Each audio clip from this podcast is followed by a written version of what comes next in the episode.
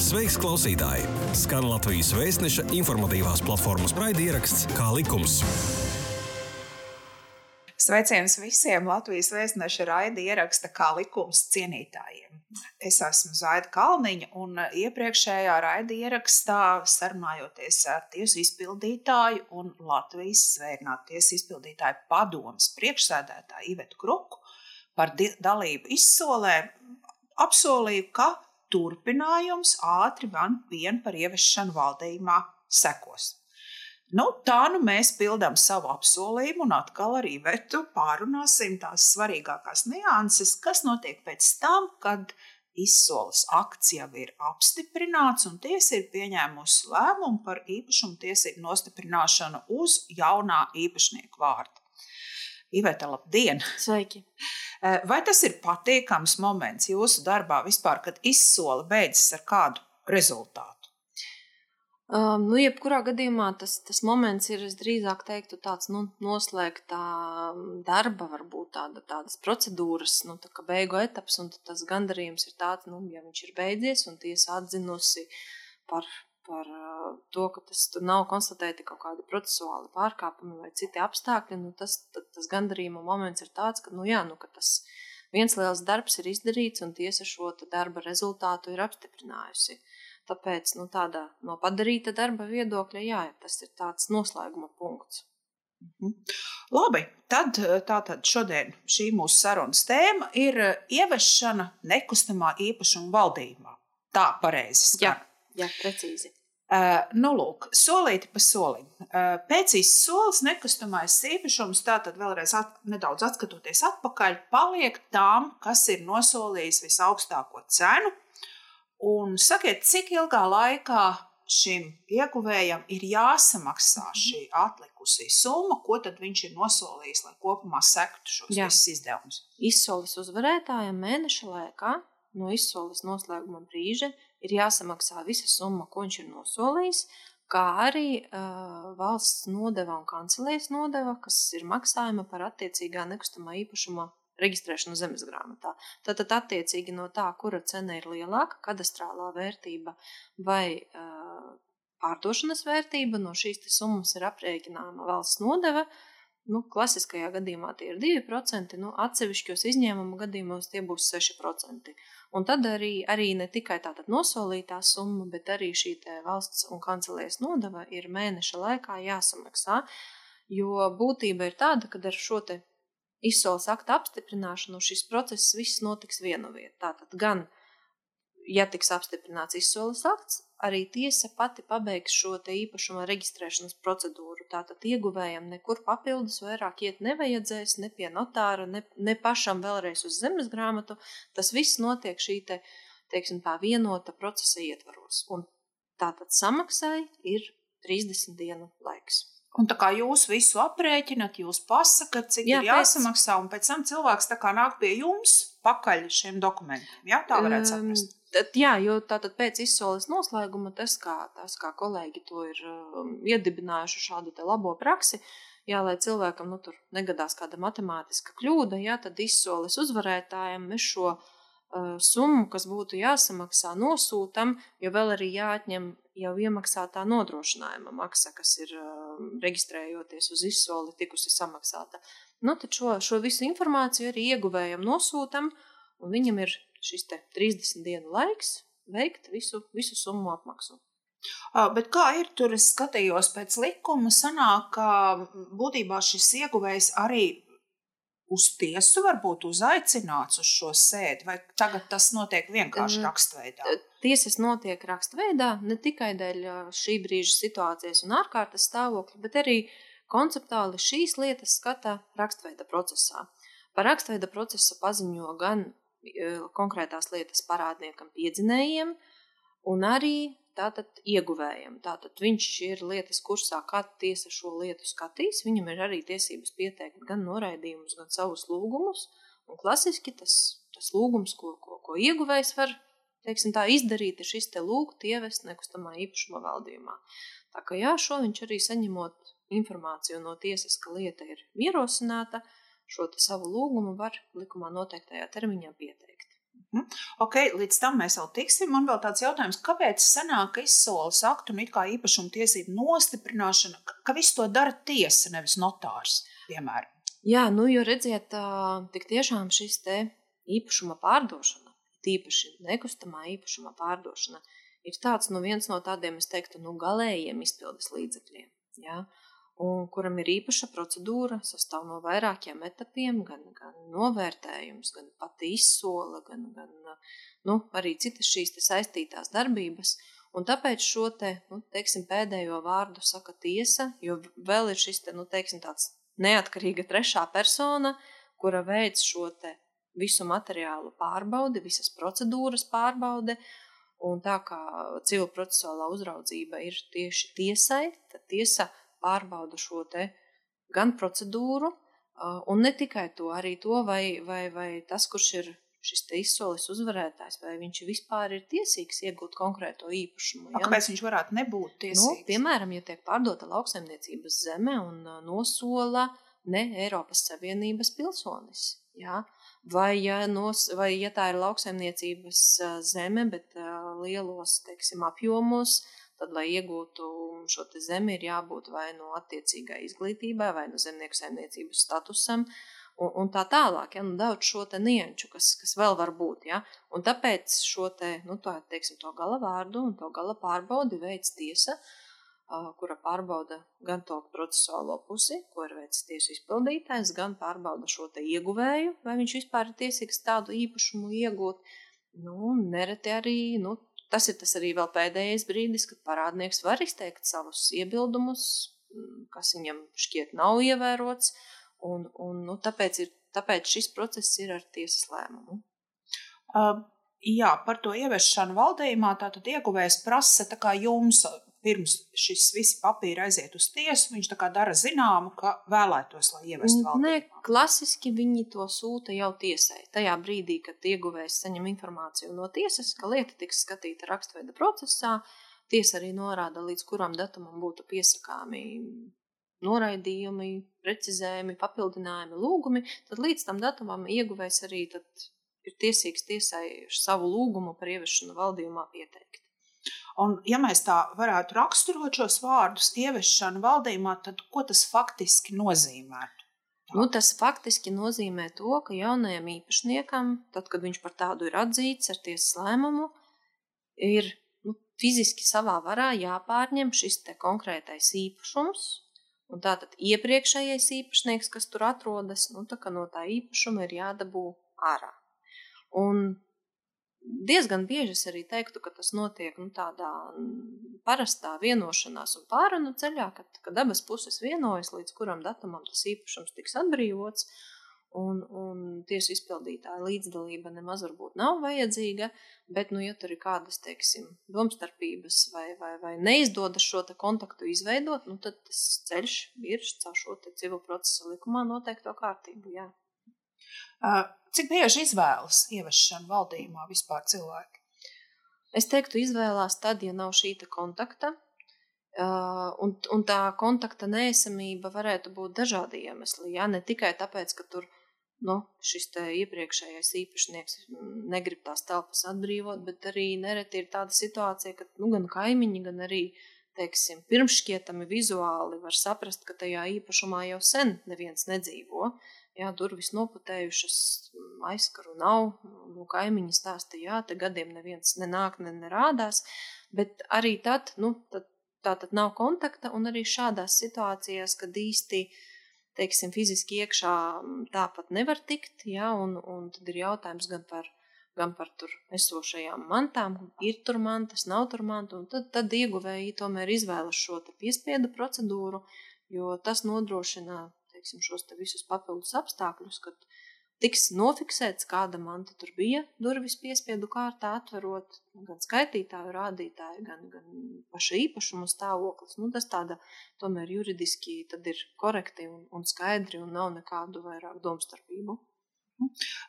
Praksē starp izsoli un ieviešanu valdījumā, cik ilgs laiks paiet?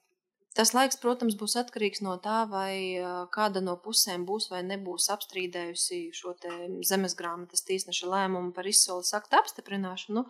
Bet, ja mēs nu, teiksim, ejam šo te tādu nu, klasisko ceļu, kad, kad apstrīdēts netika, tad es teiktu, divi, divi līdz trīs mēneši ir tas brīdis, kad no lietas iesniegšanas tiesā līdz tam brīdim, kad jau cilvēks saņem izpildu rakstu par ievešanu valdījumā. Ja ir bijusi kāda sūdzība un, un, un lietu jāskata arī apgabala tiesā otrajā instancē, tad, protams, tas laiks ievelkas nu, un atkarīgs no apgabala tiesu nu, teiksim, kapacitātes un tā, cik ātri šo lietu izskata. Nu, tad faktiski arī tam vecajam īpašniekam, ja viņš fiziski tur dzīvo, tad arī tieši tāds pats periods ir domāts par šo telpu atbrīvošanu. Tieši tā. Uh, Vai ir biežas situācijas, ka šie vecie īpašnieki šīs telpas negrib atstāt? Nu, ir. Jā, man tā grūti būs pateikt, cik, cik bieži, bet, protams, ka tās situācijas ir. Un, un, un tad, tad arī tas, tas lielais darbs tiesu izpildītājiem ir jāizdara, ja, kad ir jāizskaidro gan šī procedūra, kas, kas cilvēku sagaida, ja viņš tomēr nu, teiksim, pats nerīkosies un, un, un neplānos, kā to teiksim, savu, savu dzīvi tālāk organizēt, nu, tā tad attiecīgi ir jāmeklē kāda cita dzīvesvieta, jādomā par šo mantu pārvešanu. Ir, ir šie stāsti, bet um, Manā pieredzē tomēr vairāk ir tie gadījumi, kad, kad cilvēki nu, saprot, ka nu, ja visas iespējas ir izsmeltas, ja, ir tīpaši tad, ja arī cilvēki ir izmantojuši savu tiesību un, un, un sūdzējušies par šo izsoles rezultātu, ja, un, un tiesa divās instancēs ir izskatījusi un lēmusi tieši tā, kā viņa ir lēmusi, nu, tiesas lēmums ir jārespektē. Kā likums? Kā likums? Jā, tu klausies Latvijas Vēstneša informatīvās platformas raidierakstu Kā likums. Kā tad uh, faktiski notiek šī ieviešana valdījumā? Tur piedalās kas? Jā, tā ieviešana valdījumā no, norit teiksim, tā, tādos divos, es pat teiktu, trijos etapos. Un sākas viss ar to, ka parādniekam tiek nosūtīts paziņojums par pienākumu izpildīt nolēmumu. Tātad parādnieks, parādniekam tiek darīts zināms, ka šāds lēmums ir stājies spēkā, ka telpas ir jāatbrīvo, un parādnieku aicina to izdarīt pašam labprātīgi līdz zināmam noteiktajam termiņam. Te jāatzīmē, ka šobrīd šie termiņi ir pagarināti sakarā ar ārkārtas stāvokli, un proti katram šim posmam šobrīd ir noteikts 30 dienu termiņš. Tātad 30 dienu laikā ir īpašums jāatbrīvo, kas nu, ir pietiekams laiks, lai sameklētu kādas citas alternatīvas, uh, nezinu, iestāties kaut vai mm, iet pie pašvaldības, meklēt, varbūt, ja ir kāda nepieciešama, nu, palī, sociālo palīdzību šīs dzīvesvietas atrašanā, nu, tā tad ir laiks tur doties un, un, un runāt un meklēt šīs iespējas. Ja šī te, teiksim, paziņojumā noteiktajā termiņā telpas netiek atbrīvotas, tiesu izpildītājs nozīmē šo pirmo ieviešanu valdījumā, kad Tātad atkal pēc jaunajiem noteikumiem, vēl pēc 30 dienām, un tad jau, nu, tad, kad dodas klātienē, gan tiesu izpildītājs, gan ieguvējs, nu, un tad skatās šo situāciju. Ja parādnieks ir uz vietas, nu, tad tā ieviešana valdījumā arī notiks. Ja parādnieks nav ieradies, nav ziņojis par savu prombūtnes iemesliem, tad šajā pirmajā reizē nekas cits arī nenotiek, kā tikai tiek konstatēts tas, ka parādnieks nav, durvis ir cieta, neko darīt nevaram. Un tad tiek nozīmēta atkārtota ieviešana valdījumā, atkal pēc 30 dienām, un tad tajā atkārtotajā ieviešanā, ieviešanā valdījumā, pat ja parādnieks nebūs ieradies, tad policijas klātbūtnē un liecinieku klātbūtnē durvis tiks atvērtas piespiedu kārtā. Telpās esošā manta aprakstīta, mēnesi viņa tiek glabāta šī mēneša laikā, tad cilvēkam ir tiesības šo mantu saņemt, samaksājot visus radušos izdevumus. Un, un, nu, tāda, ir tā, tāda ir tā procedūra. Tātad es sapratu, ka faktiski nevienam nav īsti zināms, ir tādas situācijas, būs tur kāds tā īpašumā vai nebūs. Jā. Un, un ir iespēja ar vienu reizi tikt un dabūt atslēgas, un ir iespēja tomēr ar divām reizēm. Tad, kad nu, ir šīs durvis jā, jātaisa vaļā, tad taču ne jau jūs ar lomiku tur vai ar kaut kādām nē. atslēgām to Nē, nē, to ne? tad, to tad jā, pieaicina, pieaicina speciālistu, kurš, kurš nu, tātad pēc, teiksim, tad, kad ir visas puses ieradušās, gan policija, gan liecinieki, un tad pēc tiesu izpildītāja, izpildītāja, teiksim tā, nu, komandas, kad varam to darīt, tad durvis tiek atvērtas, jā, piespiedu kārtā. Un Tas nereti mūsdienās ir lielākais izaicinājums, jā, jo, nu, tā, tā, Tā pamatīgi aizslēdz. Jā. bet, protams, Jā, vai šī darbība tāda no šī e, otrā reize, kad iet nu, vairāk šie pārstāvi un arī iespējams atslēdznieks, policists un kas tur vēl ne, vai viņa nav bīstama no tāda drošības viedokļa, jo faktiski jūs atverat telpas un jūs taču varat tur nesko ieraudzīt, ne? Ah, jā, protams, nu, tāpēc mums arī ir šis te, šī te policijas klātbūtne, kas nu, nodrošina gan nu, šo te piespiedu elementa brīdi, ja, kad tās durvis tiek atvērtas policijas klātbūtnē, gan arī nu, šo te fiziskās drošības jautājumu. Ja, jo, nu, jā, nereti ir, ir bijušas situācijas, ka tomēr izrādās tur parādnieks sēž, vienkārši nebija vēris vaļā, un, un tad, tad notiek nu, šī pirmo emociju emociju apmaiņa, ja, un, un pirmā beidzot tā saruna. Nu, citreiz ir arī tā, ka tur nav nekā, un citreiz tur ir tiešām tāds nu, katastrofāls stāvoklis tajā telpās. Ja, ļoti, ļoti dažādi.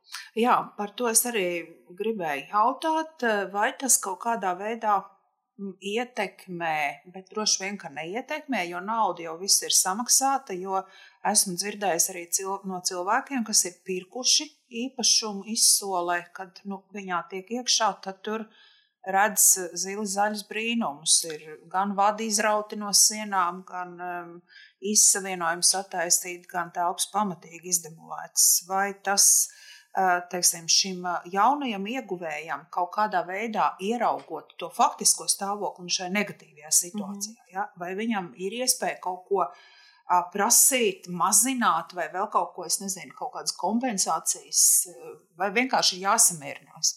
Nu, tīri par to īpašumu stāvokli, kāds nu viņš būs, tāds nu viņš būs.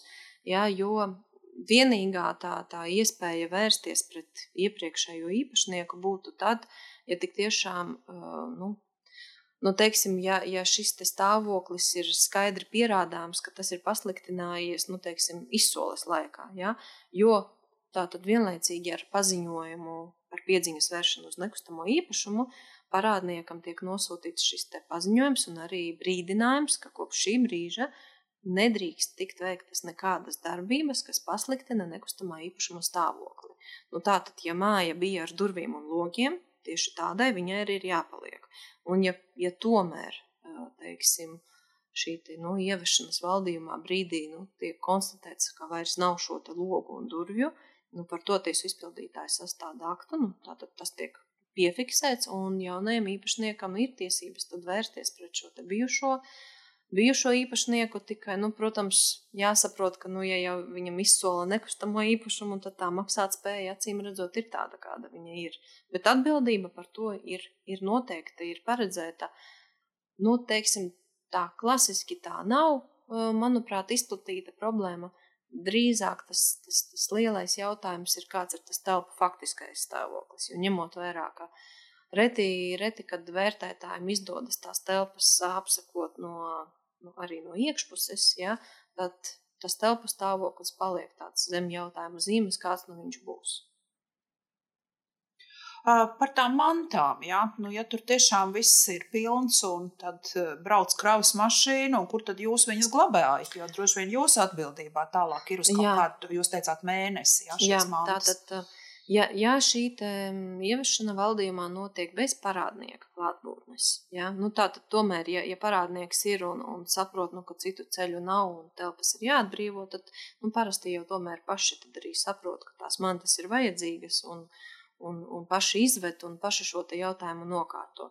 Ja ir tā, ka tā parādnieka nav, tad jā, tā tad telpā esošās mantas tiek aprakstītas, viņas mēnesī jāglabā. Mantu glabāšana jānodrošina jaunajam īpašniekam. Jā, jo es kā, Nevis tiesa izpildītāji. jā, jo es kā tiesu izpildītāji nevaru uzņemties kā būt divi vienā, ja? gan tiesu izpildītājs, gan mantas glabātājs, jo tā, tam ir jābūt fiziskā personai, kurai tiek arī izskaidrota šī gan atbildība, gan mantas glabāšanas pienākums.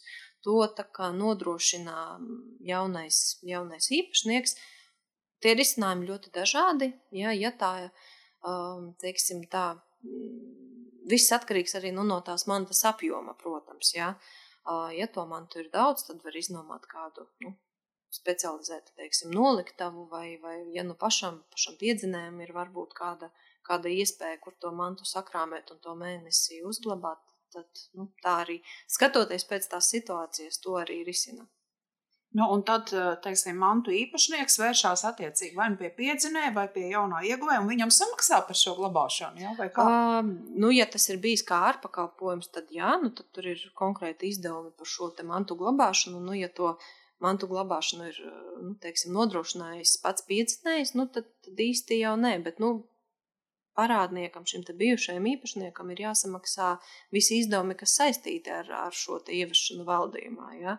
Un samaksājot izdevumus tajā mēneša laikā, šo mantu viņš ir tiesīgs saņemt atpakaļ. Nu, tās summas aptuveni, vai jūs varat uh, iezīmēt? Tā, nu, tāda klasiska ieviešana valdījumā ir, ja nekļūdos, tā taksa ir 170 eiro plus PVN, bet atkarībā no tā mantas daudzuma, tad, tad nu, no tā pozīciju skaita, tad vēl varētu tā kopējā summa mainīties. Protams, jo vairāk mantu, jo vairāk ir jāapraksta, tad jo lielāka tā taksa paliek.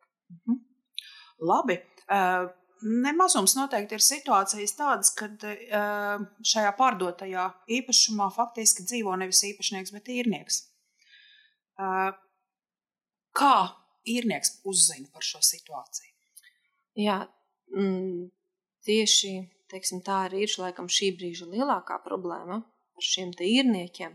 Gan teiksim, tā, gan reālajiem, gan, gan, gan fiktīvajiem īres līgumiem.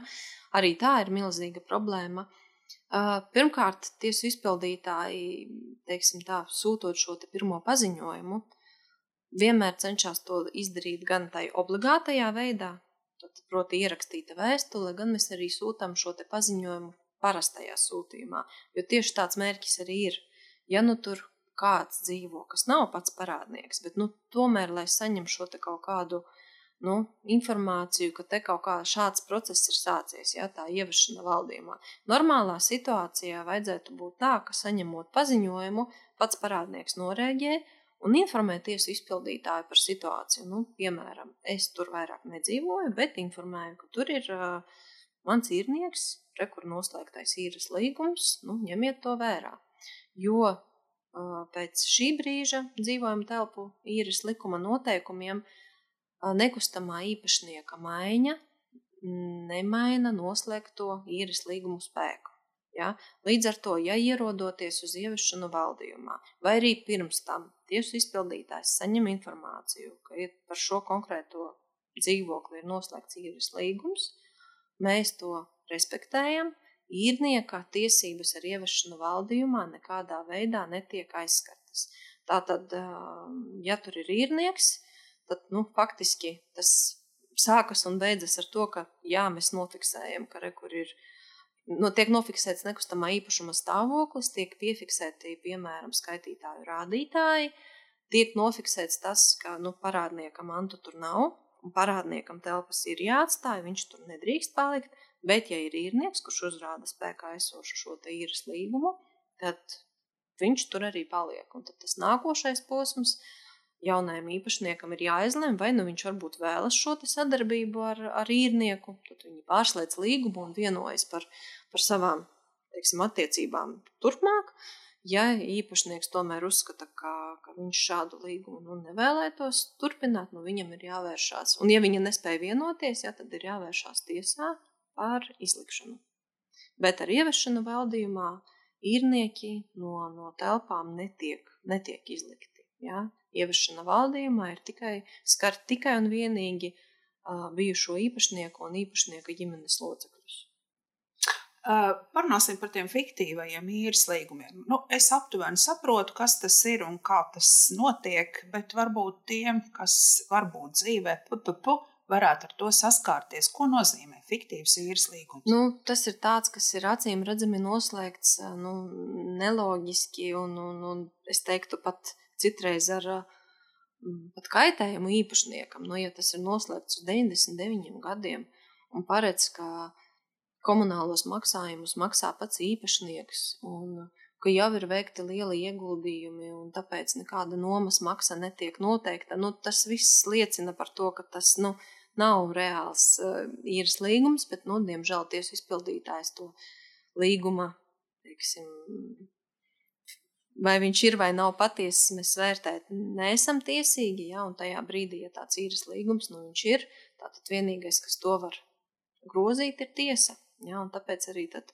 jaunajam ieguvējam ir, ir, ir jāvēršas tiesā un jālūdz šo te īres līgumu tātad plaust un attiecīgi izlikt šos te īrniekus. Nu, labā ziņa, ka šobrīd ir ļoti aktīvs darbs pie jaunā īres, dzīvojam telpu īres likuma, kas šo situāciju, manuprāt, tomēr nu, sakārtos, padarīs tādu nu, caurskatāmāku visām pusēm. Jā, jo nu, tas jautājums tāds ļoti komplicēts. Un, un, un, protams, ka nu, ķilnieki, ķilnieki ir uh, nereti visi, gan tas jaunais ieguvējs, un citreiz arī, arī tas īrnieks, ja viņš ir labticīgs. Jā, nu, tā kā arī, arī par viņa tiesībām būtu jāpadomā. Un tās situācijas, ka uzrādās ar vien jauni, teiksim, atnāk viens saka, remontē ir īres līgums. Jā, nu, bet labi, samaksā man tur cipariņu tādu, un es tās telpas atstāšu. Un ieguvējs samaksā, un pēc dienas nāk nākamais ar tieši tādu pašu situāciju. Kā tas vispār ir iespējams, ka ir noslēgti vairāk šādu fiktīvu īres līgumu? Jā, jā, tas, tas tā, diemžēl, tīri teorētiski varētu arī būt, bet nu, es tādās situācijās tiešām rekomendētu ieguvējiem vērsties nu, ne tikai tiesā, bet arī policijā, jo tā ir, nu, manuprāt, klāja, klāja pretiesiska darbība, jā, jo nu, tā, tā gluži arī nevar būt. Bet uh, esmu par tādām situācijām dzirdējusi, un, un tāpēc es teiktu, ka nu, jā, ļoti ceru, ka tas jaunais īres, īri dzīvojam telpu īres likums šo risinās, Un, un nu, tā kā darbs pie tā notiek, lai nu, šādu kā, nu, tik laju pretiesisku darbību tomēr nepieļautu. Tātad jūs iesakāt nemaksāt nekādā gadījumā, ja nāk ar tādiem nu, teiksim, darījumu piedāvājumiem. Es noteikti, ja jā, jā, es noteikti, īrnieki, es no, it kā. it kā īrnieki, es noteikti rekomendētu neļauties uz tādām darbībām, jo tās ir tiešām klēji pretītiskas, un es ieteiktu ziņot gan uh, policijai, gan arī valsts ieņem dienestam, tad ir jautājums, vai šie īres līgumi vispār bija iedeklarēti, ka viņi tādi ir, ka šis iepriekšējais īpašnieks gūst ienākumus. Un, un tad es domāju, ja to stāstu pašķitinātu, tad jau tur uh, viss taptu skaidrs nenāktos lieki maksāt par neko. Faktiski. Jā, tieši tā. Jā, par, par to situāciju, kad, nezinu, varbūt jūs arī esat saskārsies savā praksē, parādnieks saka, nu, tas ir man vienīgais īpašums, un man te ir mazi bērni, un man nav kur iet, un, un varbūt kaut kā, kā, kā varam vienoties, ko jūs varat teikt šiem parādniekiem, kas mēģina ar šīm sociālajām situācijām ietekmēt mm -hmm. izsoles rezultātu. Nē, nu, pirmkārt, ja tas izsoles rezultāts jau ir apstiprināts tiesā, un, un šis lēmums ir stājies likumīgā spēkā, tad nu, tā situācija ir tāda, kāda viņa ir. Tad nu, jau ir jāstrādā ar pašu situāciju, vairs nevaram neko pagriezt uz otru pusi. Un, un šeit ir tā, nu, ja tās ir um, ģimenes ar maziem bērniem vai, vai kaut kā, nu, teiksim, citādā veidā nu, sociāli teiksim, maznodrošinātas vai, vai, vai, vai nezinu, veci cilvēki un tā tālāk, tad uh, viennozīmīgi tiesu izpildītājs arī šo situāciju nu, redz un saprot, konsultējam, uh, ka ir jāvēršās pie, pie attiecīgās pašvaldības sociālā dienesta, uh, runājot par Rīgu mājokļu departamentā, šī te uh, ja tiek uzrādīts, ka ir paziņojums par, par ievešanu valdījumā un arī par izlikšanu, starp citu, ja, un ja šī persona atbilst tiem nu, kritērijiem, kad, kad, kad ir nu, šī sociāli maznodrošinātā teiksim, grupa, ja, tad arī pašvaldība attiecīgi meklē risinājumus un piedāvā nu, kaut kādas šīs te telpas, uz kurieni var pār, pārvākties. Un, um, man pašai ir pieredze ar, ar nu, ārpus Rīgas, ja, un tur bija ļoti pretīm nākoša pašvaldība, kura ne tikai palīdzēja atrast citu alternatīvu risinājumu, kur, kur dzīvot šeit ģimenei, bet pat palīdzēja ar nu, transportu. Ja, nu, tīri arī sadzīviskā līmenī. Nu, pārbraukt no šīs vienas dzīves vietas uz otru arī nereti ir nu, problēma. Ja? Kā, tāpēc es teiktu, ka galvenais ir šo mēģināt problēmu risināt, ja? uzdot jautājumus. Um, un, un nereti ir tā, ka, nu, ja arī cilvēks pat bez šīs te, nu, teiksim, sociālā dienesta iesaistes, viņš saka, ziniet, nu, aktīvi meklēju jaunu dzīves vietu, nu, man vajag mēnesi, un es atradīšu. Bet, nu, protams, ka to visu saprātīgi var ņemt vērā un, un teiksim, tā arī nu, nākt pretī un šos te termiņus attiecīgi salāgot. Ja? Bet nu, tas ir par tādu nu, saprātīgu risinājumu. Ja? ja kāds pasakā, man tagad vajag gadu, lai atrastu jaunu dzīves vietu, nu, mēs visi saprotam, ka tā ir nu, manipulācija ar savu stāvokli. Mm. Bet, jebkurā gadījumā, ja mēs uh, saprotam, ka ka teiksim, ir aizskartas nepilngadīgu mm, personu tiesības, jā, senioru paudze, tad noteikti ziņojam, atbild, un ja redzam, ka trūkst varbūt pašam cilvēkam nu, to spēju, jā, tad ziņojam attiecīgi sociālajiem gan dienestiem, gan pašvaldībai un, un lūdzam arī viņus šī procesā iesaistīties. Nu, nereti ir arī, ir arī tā, nu, ar, ar, ar senioru paudzi runājot, nu, nereti ir tā, ka tieši uh, radinieku iesaiste tā ir tā, kas ir vajadzīga. Jā, jo kuri nu, tad, tad runā un pārliecina nu, to situāciju, kāpēc viņi ir tāda izveidojusies un palīdz tam cilvēkam nu, pieņemt šo dzīves realitāti jā, latviešiem tā ir. Varbūt ne tikai latviešiem, ka mums ir ļoti grūti lūgt kādam palīdzību. Man bija svarīgi dzirdēt arī, ka nav šī no tiesas izpildītāja puses šī tāda sociāla norobežošanās, ka tomēr jūs arī iesaistaties un risinājums palīdzat. Un pēdējais jautājums, mūsu laiks ir iztecējis, re, kā viņš tik ātri iztek parasti. Eh, vai vispār tiesiski ir iespējama tāda situācija, ka parādnieks no izsolē nu, teiksim, pārdotā īpašuma kādu īpašu iemeslu dēļ varētu netikt izlikts? Nevaru iedomāties tā, tādā veidā. Vienīgais, kas, kas man nāk prātā, nu, ja tiešām šis parādnieks spēja vienoties ar jauno īpašnieku, ka viņš te paliek vēl uz zināmu periodu un tiek noslēgts īres līgums jau starp tātad bijušo īpašnieku un jauno īpašnieku, bet tad tās būs īres jau jaunas viņu savā starpā īres attiecības, tad tikai tā es to redzu, ka tas tā var palikt. Ja, ja tiek panākta vienošanās, ka nu, ļaujiet mums te vēl gadu padzīvot, un, un jā, mēs tur vienojamies par īres maksu, par termiņiem un tā tālāk, ja jaunajam īpašniekam varbūt tas arī der, tad tīri teorētiski tas tā varētu būt. Manā praksē tāda nav, manā praksē tiešām vairāki gadījumi, kad šie reālie īrnieki nu, uzrunā jauno īpašnieku, un, un viņi noslēdz savā starpā jaunu īres līgumu un turpina šo īres attiecības. Nu, lūk, jūs klausījāties raidījuma ierakstu kā likums. Ar jums kopā bija Zaida Kalniņa un Iveta Kruka. Paldies, ka klausījāties! Uz tikšanos citreiz! Paldies! Vislabāk! Šī bija iknedēļas pusstunda kopā ar oficiālā izdevēja Latvijas vēstneses informatīvās platformas raidierakstu Kā likums. Pastāsti citiem, ja bija noderīgi un interesanti. Kā likums, tiekamies ik trešdienu!